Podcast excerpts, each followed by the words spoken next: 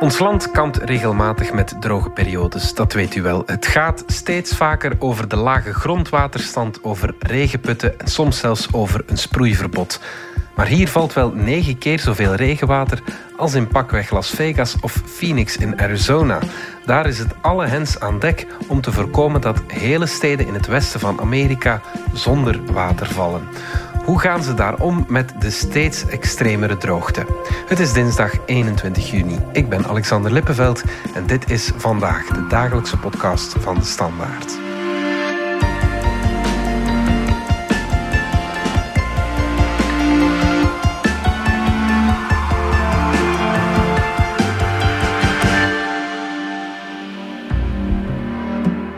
Roland Termoten van onze buitenlandredactie. Jij bent net terug uit Las Vegas. Iets aan overgehouden?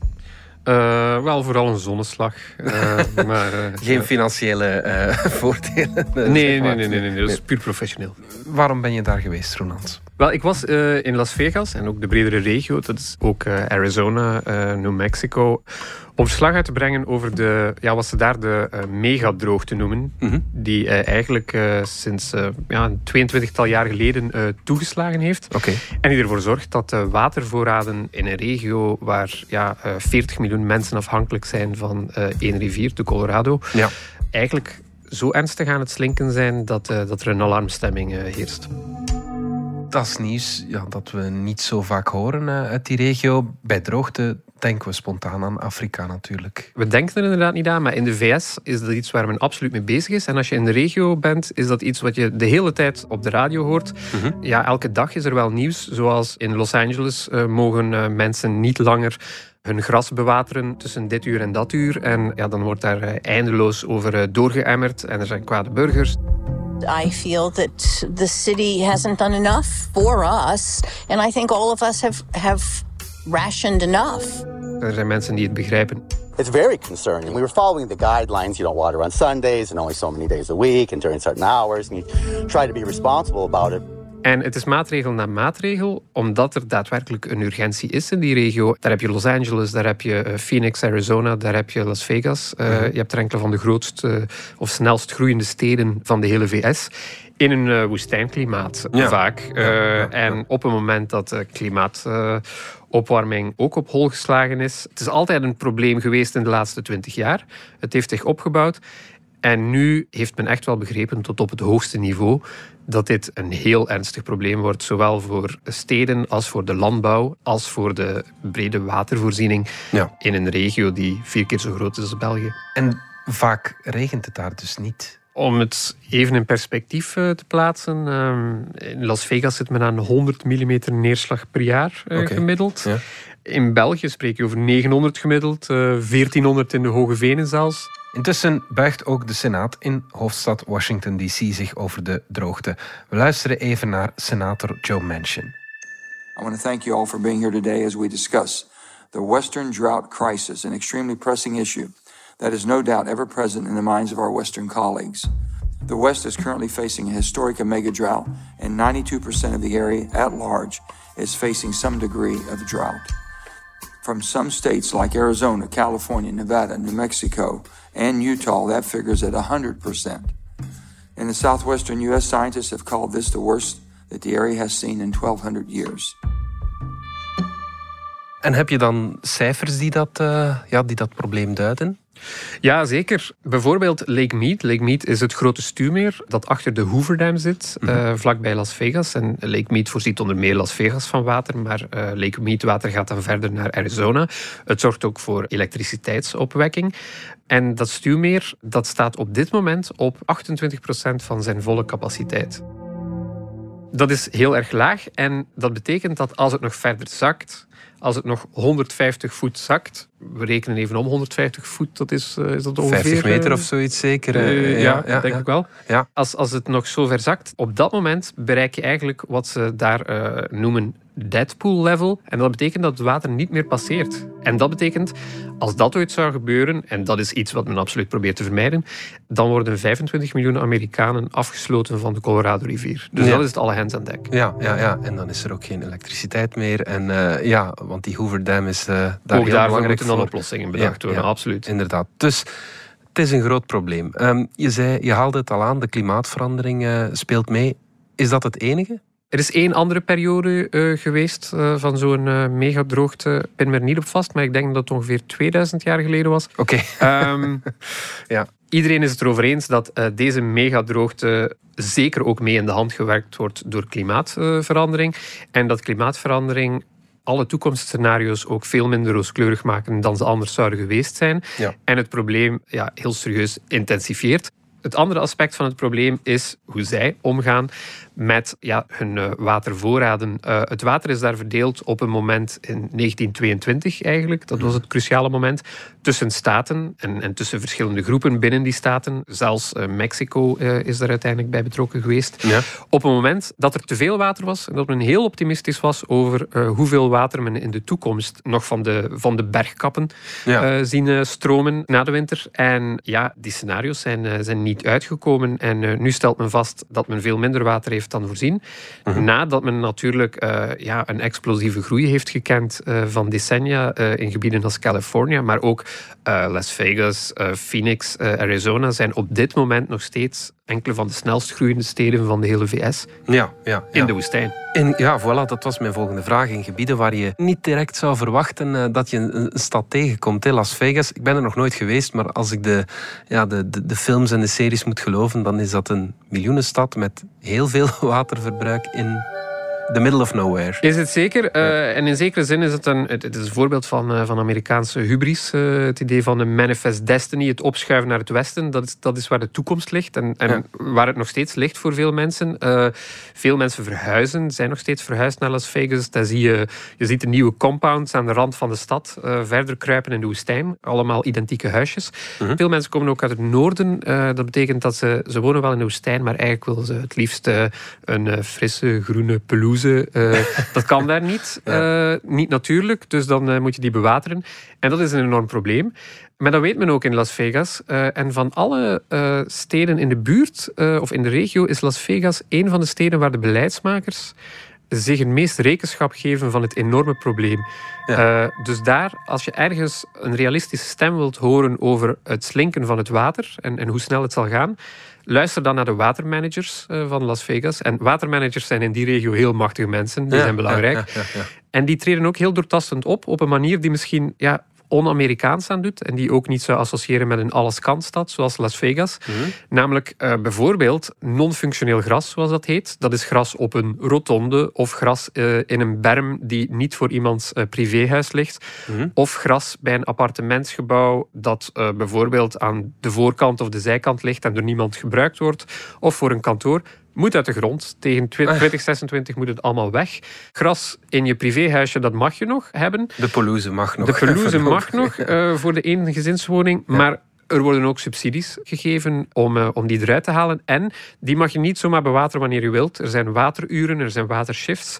En die worden afgedwongen. Er is een waterpatrouille die komt kijken of je het wel op de juiste uren bewatert. Uiteindelijk kan je daar ook boetes voor krijgen. Okay. Um, en het gaat steeds uh, verder, dus, uh, want dat is ook wat, uh, wat die watermanagers zeggen. Het probleem zal erger worden. Waar we nu naar kijken is de lange termijns opdroging van het Westen. Ja. Dus verwacht niet dat wij volgend jaar de maatregelen gaan relaxeren. Nee, natuurlijk dus, uh, Ik denk niet dat dat ooit zal gebeuren. Nee. Dan. Ja, ja, ja. Dus hier in Vlaanderen zijn er, er zijn discussies over ontharding uh, enzovoort. Uh, die zijn er in Las Vegas ook. En je ziet het, daar waar er vroeger pelouse was, liggen er nu gewoon rood-bruine keien met een, met een paar cactussen tussen. Of, of zand met, met nog wel hier en daar een palmboompje. Ja. maar het is veel meer een woestijn-look voor de vegetatie. Veel natuurlijker. Maar wat soms raar aandoet voor de mensen die er gaan wonen zijn en dan net een pelouse wilden, omdat ze niet het gevoel wilden hebben dat ze in de woestijn wonen, ja. terwijl ze wel gewoon in de woestijn wonen. Ja, ja, ja, tuurlijk. Ja. Wordt er ook bijvoorbeeld gekeken naar golfterreinen? Want ja, dat absoluut. zijn gigantische vlaktes. Uh... Ja, absoluut. En, en, Las Vegas heeft veel golfterrein, maar er is nog een andere, er is een golfkampioen in, uh, in, in de regio, uh, Phoenix, Arizona. Die doet het minder goed qua waterconservatie. Mm. Die stad gaat er prat op dat het een stad van 200 golfterreinen is. je kan er golfen aan 46 graden in je bikini met zicht op de bergen. Ja. En dat is allemaal heel uh, verslindend. Nu, in Las Vegas, wat ze doen, is ook die golfterreinen die zitten op een strikt waterbudget. Er mogen geen grote nieuwe irrigatieprojecten uh, voor golfterreinen bijkomen. Dus die worden ook strak aan de leiband gehouden. En tegelijk zeggen ze, ja, dat is verslindend, maar voor ons is dat ook een economische factor. Dat golftoerisme is belangrijk. En ten tweede, uiteindelijk is dat maar verantwoordelijk voor een klein percentage, misschien 2% of zo, van, oh ehm, van de, de stedelijke watervoorziening. Wat uh, veel verslindender is, is landbouw in de woestijn. Uh, Dat is uh, eh, 70 tot 80 procent. Dat zeggen de stedelijke watermanagers altijd. Um, als je denkt aan Las Vegas, Roland, dan dan zie ik vooral die fonteinen aan het uh, bekende Bellagio Hotel. Uh, dat is toch pure verspilling. Zou je denken, maar um, dat is heel relatief. Het is een beetje verspilling en daar wordt uh, uh, wel wat water verdampt. Maar ook zij gebruiken water uit recyclagereservoirs, gebruiken daarvoor vrij high-tech middelen. Al het water dat door de spoelbakken van al die mega casino resorts gepompt wordt, is ook recyclagewater. Okay, uh, ja, ja. Ook heel die sector die stapt absoluut mee in het we moeten minder water verbruiken en we moeten er zuinig op zijn verhaal.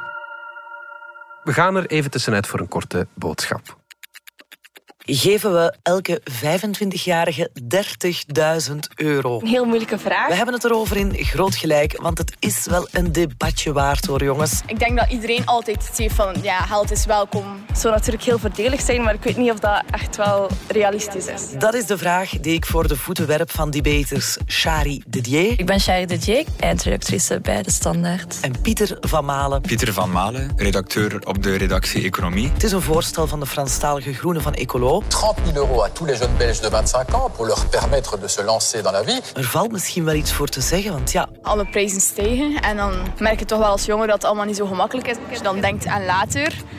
Uh, ja. Momenteel is het heel moeilijk om bijvoorbeeld een huis te kopen. Met het huidig vermogen dat ik heb, kan ik niks doen. Maar aan de andere kant is het dan wel een goed idee om zomaar een blanco cheque uit te delen aan jongvolwassenen? Of is dat een onverantwoorde tournee generaal? We hebben het erover in Groot Gelijk. Zeker luisteren. Terug naar jou, Roland. We hadden het over de steden, we hadden het over de golfterreinen.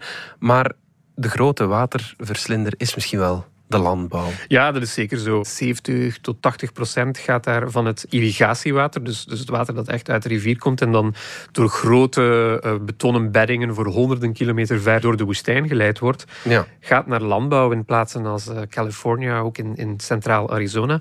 Dat is landbouw in, in de woestijn, bijna helemaal afhankelijk van irrigatiewater. Ja. Zonder dat water is daar geen landbouw. Hmm. Met dat water is dat fantastisch productieve landbouw. Daar worden allemaal gewassen, zoals uh, alfalfa bijvoorbeeld, wat aan vee uh, gevoed wordt. Goeie wijn daar ook. Uh, in, Californië. in, Californië. zeker, ja. ja, ja, ja. Het is vaak iets noordelijker, maar bijvoorbeeld amandelen ook. Californië is ook de amandelschuur uh, van, van de wereld in zekere zin. okay. um, dus ja, dat, dat, daar worden allemaal gewassen verbouwd die vaak volledig afhankelijk zijn van dus artificiële bewatering. Ja, ik, in, in Centraal-Arizona ben ik, ben ik langs geweest bij de boeren. Our biggest issue here is we've we've relied on supplemental canal water for the past 30 to 40 years, and unfortunately, that source is going away. So we're having to kind of rethink all of our operations and and try to figure out if we can even be sustainable in farming in this area anymore. Ja, dat was Jace. Uh, Jace is een heel joviale boer die mij uh, meegenomen heeft op zijn erf. En zijn, zijn erf is, uh, is vrij gigantisch. Dat is vele, vele, vele hectaren in de omtrek. En high-tech farming, wat hij daar doet, zijn velden zijn anders dan in België. Zijn velden zijn grote, rechthoekige vlaktes die volledig gelasermillimetreerd zijn. Die gebruik maken van heel moderne druppelirrigatiesystemen die het land perfect bewateren op de meest zuinig mogelijke manier. Maar ook dat is niet voldoende want de boeren in die regio die hebben in de tijd een contract afgesloten dat ze subsidies zouden krijgen om het water van de Colorado-rivier tot daar te brengen met irrigatiesystemen, als ze erin toestemden om op het moment dat ja, reservoirs als Lake Mead zo laag gaan dat een alarmpeil bereikt is, mhm. dat zij dan een deel van hun water zouden opgeven. Jace vertelde dat zijn overgrootvader meer dan 100 jaar geleden begon te boeren hier. Jace is nu de vijfde generatie aan het werk. Maar of hij de stil nog zal kunnen doorgeven aan zijn zoon, dat betwijfelt hij. I'm very skeptical. I'm very kind of it's kind of unnerving to think that our way of life that sustained us for over 100 years and five generations could be going by the wayside and I think the worst part of it is is it's something that's completely out of our control. We rijden gewoon door de velden met Jace. Aan de linkerkant toont hij een veld dat perfect groen staat. Prachtig zoals hij het zou willen. Ja. Aan de rechterkant, hetzelfde veld, reikt tot aan de horizon. Even groot, ligt volledig door en wordt inmiddels overwoekerd door woestijn uh, struikgewas. Oké. Omdat het gewoon niet meer haalbaar is om ja, enorme uh, hoeveelheden voor sommige boeren tot de helft van hun land nog te bewateren. Het komt er gewoon niet meer uit. Er zijn waterputten die ze diep in de grond boren. Ook dat is niet voldoende. Om een nieuwe waterput te boren kost al gauw een miljoen dollar. Uh, Kom je niet meer mee rond. Hij zegt zelf, ja kijk, 100 jaar lang heeft mijn familie hier geboerd. Je hoorde het net in de clip, hij zegt het zit in mijn bloed. Maar hij is niet zeker dat hij het kan doorgeven aan zijn zoon. Want hij heeft een groot landbouwbedrijf. En het kan zijn dat op termijn ja, hij zijn personeel uh, moet laten afvloeien. En, en, dat het niet meer levensvatbaar is. Er zijn niet alleen de boeren die, uh, die de impact voelen van dat watertekort. Ook de, ja, de, de Native Americans, de Navajo's die daar wonen, uh, voelen dat wel. Hè? Zeker, ja. Het, toen het water verdeeld werd in 1922, ja, dat was een tijd waarin uh, er heel weinig uh, aandacht was voor het welzijn van, uh, van de indigenous mm. people daar. Terwijl ze volgens de strikte letter van de wet wel recht hebben op het water daar. Namelijk, zij wonen er al het langst. Alleen moet je dat recht ook doen gelden. Mm. Daar zijn zij heel lange tijd niet geslaagd, waardoor anderen het water voor zich uh, genomen hebben en hun, hun uh, akkers werden wel geïrrigeerd en steden werden voorzien. Terwijl groepen zoals de Navajo's, die bleven volledig achter.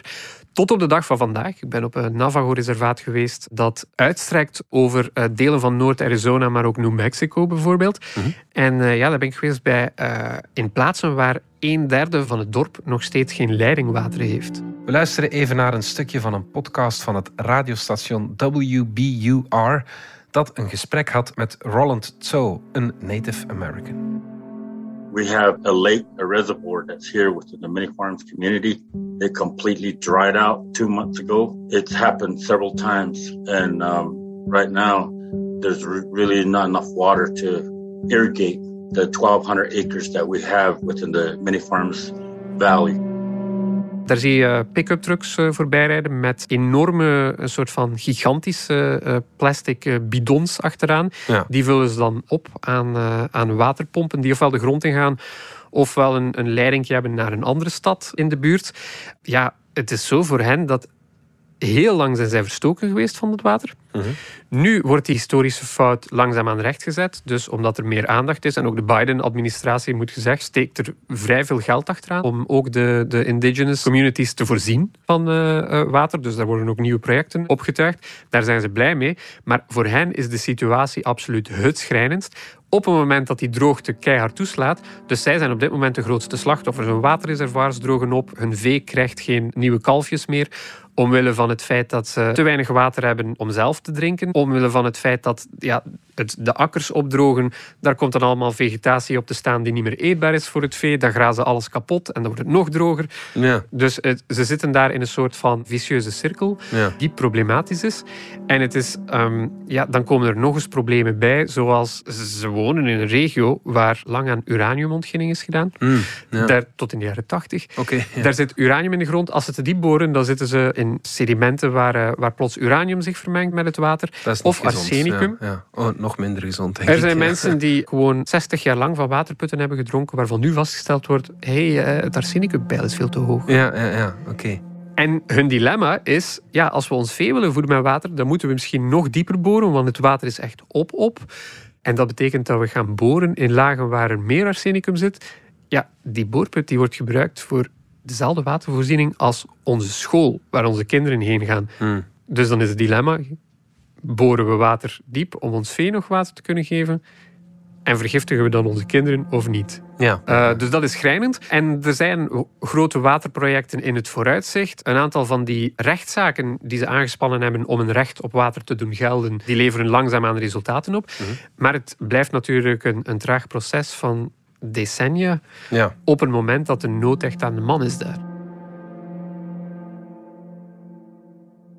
Nog een heel erg groot probleem, dat is iets waar we wel vaker uh, over horen, is de bosbranden in het westen van Amerika. Ja, absoluut. Het is allemaal verbonden aan elkaar. Ik spreek over een vrij ongeziene megadroogte. Hetzelfde kan gezegd worden over het huidige vuurklimaat, zoals dat heet. En, en de omvang van de bosbranden in New Mexico bijvoorbeeld, waar ik heen geweest ben. Dat zijn in het noorden van New Mexico heb je de grootste gedocumenteerde bosbranden in de geschiedenis van New Mexico. Mhm, ehm, mhm. En dat, uh, ja, dat, dat heeft zeker te maken met uh, de klimaatopwarming. Dat heeft te maken met de, dus de droogte van, uh, ja, van, de, van de ondergrond. En dan nog eens daarbovenop de hitte. En er dan nog eens bovenop de manier waarop de wind ermee speelt. Ja. En er dan nog eens bovenop menselijke interventie opnieuw. Een van de dingen die je daar ziet is wat uh, vuurwetenschappers de Smoky Bear effect noemen. Smokey Bear is de mascotte van de Amerikaanse boswachters. Ja. Uh, die Don't play with matches. Dat is die, exact, dat, is, uh, dat is hem. Die ja, mensen die door de Amerikaanse bossen en bergen passeren, er iets op moeten maken dat ze geen brand mogen stichten of niets mogen doen dat een brand kan doen ontvonken. Maar men is heel doortastend geweest, 100 jaar lang in de VS. En men heeft eigenlijk geprobeerd om zo weinig mogelijk branden te laten ontsteken. Fire suppression heet dat, echt vuuronderdrukking. Ja, ja vuurwetenschappers zeggen, je moet eigenlijk af en toe gewoon een goede brand laten uitwoeden. Ja. En er zelfs af en toe een aansteken om het bos uit te dunnen zodat wanneer er dan een spontane brand ontstaat, die niet de hele omgeving in lichterlaaie zet. Wat je nu ziet, is dat het daar uh, poerdroog is en dat de bossen zo dicht zijn dat exact dat wel gebeurt. Ja, ja. Het probleem nu is dat bovenop het probleem dat er al is, is dat men daar geprobeerd heeft om een goed bosbeheer te doen, maar een paar foutjes heeft gemaakt deze zomer. Dus de branden die je nu ziet, die zijn eigenlijk het gevolg van aangestoken branden door het bosbeheer. dus dat laat dan natuurlijk de verdenking op een strategie van bosbeheer. Ja, die, daar, daar wordt nu over gediscussieerd. Die is even on hold gezet. Ja. Van uh, ja, ja, maar werkt dit wel goed? Uh, mensen zijn sceptisch. Terwijl dit wel de juiste manier is om aan bosbeheer te doen. Alleen moet je op de juiste manier die brand aansteken en begeleiden natuurlijk. om ervoor te zorgen dat het niet allemaal in de fik schiet. Maar ook dat zal erger worden. Uh, en ik ben daar ook geweest bij vuurwetenschappers die in de regio wonen. Ja, we stonden daar op het terras van een man die heet Tom Swetnam. Een terras in de bergen. We worden omgeven door kolibries die zijn terras omzwermen. Okay. Hij toont de vallei voor hem en hij zegt... ja, kijk, Roland, zie je die 60, 70 huizen daar? Op één namiddag kunnen die weg zijn. We leven hier in een kruidvat.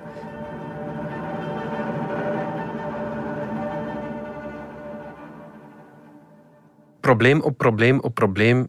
Roland, krijgen we dit ooit onder controle, denk je?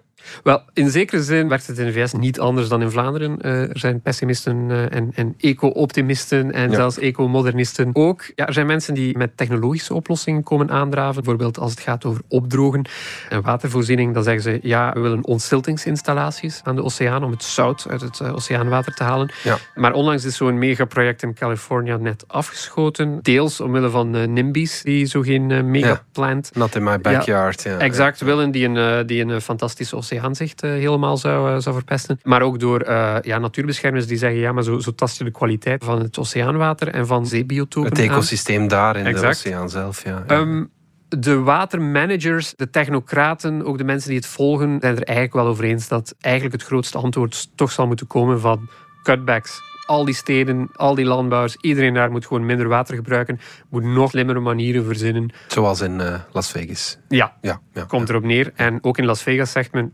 volgend jaar zal het nog strenger zijn dan dit jaar. Ja. Eén oplossing is dat iedereen bijvoorbeeld zijn best doet om letterlijk voor zijn eigen deur te vegen. Dus de dennennaalden voor je eigen deur, die moeten absoluut weg. Dat is brandstof. Je moet de bomen voor je eigen huis weghakken, sprinklers op het dak installeren. Gebruikt een beetje water, maar goed, ja, dat, is dan wel nodig. Dat is de blitz met de bel. Dat is de blitz met de bel. En ook, er zijn speciale coatings die je kan voorzien op je huis. Als je dat niet doet, komt de brandweer langs op sommige plaatsen al om je te zeggen van als die straks allemaal in de fik gaat en jij hebt uh, niet voor je eigen deur geveegd, dan is jouw huis het laatste wat we zullen, uh, okay, zullen blussen. Ja, want uh, je hebt hier zelf een soort van powderkeg in ons bos gezet. Oké, okay, ja. Dan uh, hebben we het nog niet over uh, ja, de politiek gehad. Uh, mensen moeten natuurlijk het met elkaar over eens zijn over bepaalde oplossingen. Hè? Ja. ja, absoluut. En, en hier zitten veel actoren aan tafel. Het gaat over staten, het gaat over landen zelfs. Ook Mexico, zoals ik zei, wordt erbij betrokken. Het gaat over de tribes, zoals de Navajo's. en het zijn niet alleen de Navajo's, er zijn er veel. Mhm. Het gaat over stad versus platteland. Het gaat over het Het Upper Basin, dat zijn de, de staten die meer stroomopwaarts uh, ja. liggen. Uh, en de Lower Basin, dat zijn de, de staten met megasteden als Los Angeles, Las Vegas, als Phoenix, ja. uh, die meer stroomafwaarts liggen. Die gaan in de volgende jaren eigenlijk met elkaar moeten overeenkomen hoe ze het water verdelen. Ja. Nu al is de situatie zo erg dat staten als Californië en Nevada moeten zeggen van we gaan aan vrijwillige cutbacks doen. Dus we gaan een deel van ons water uh, opgeven. En uh, ja, dat is een offer dat ze dit jaar moeten brengen en volgend jaar opnieuw. Mm -hmm.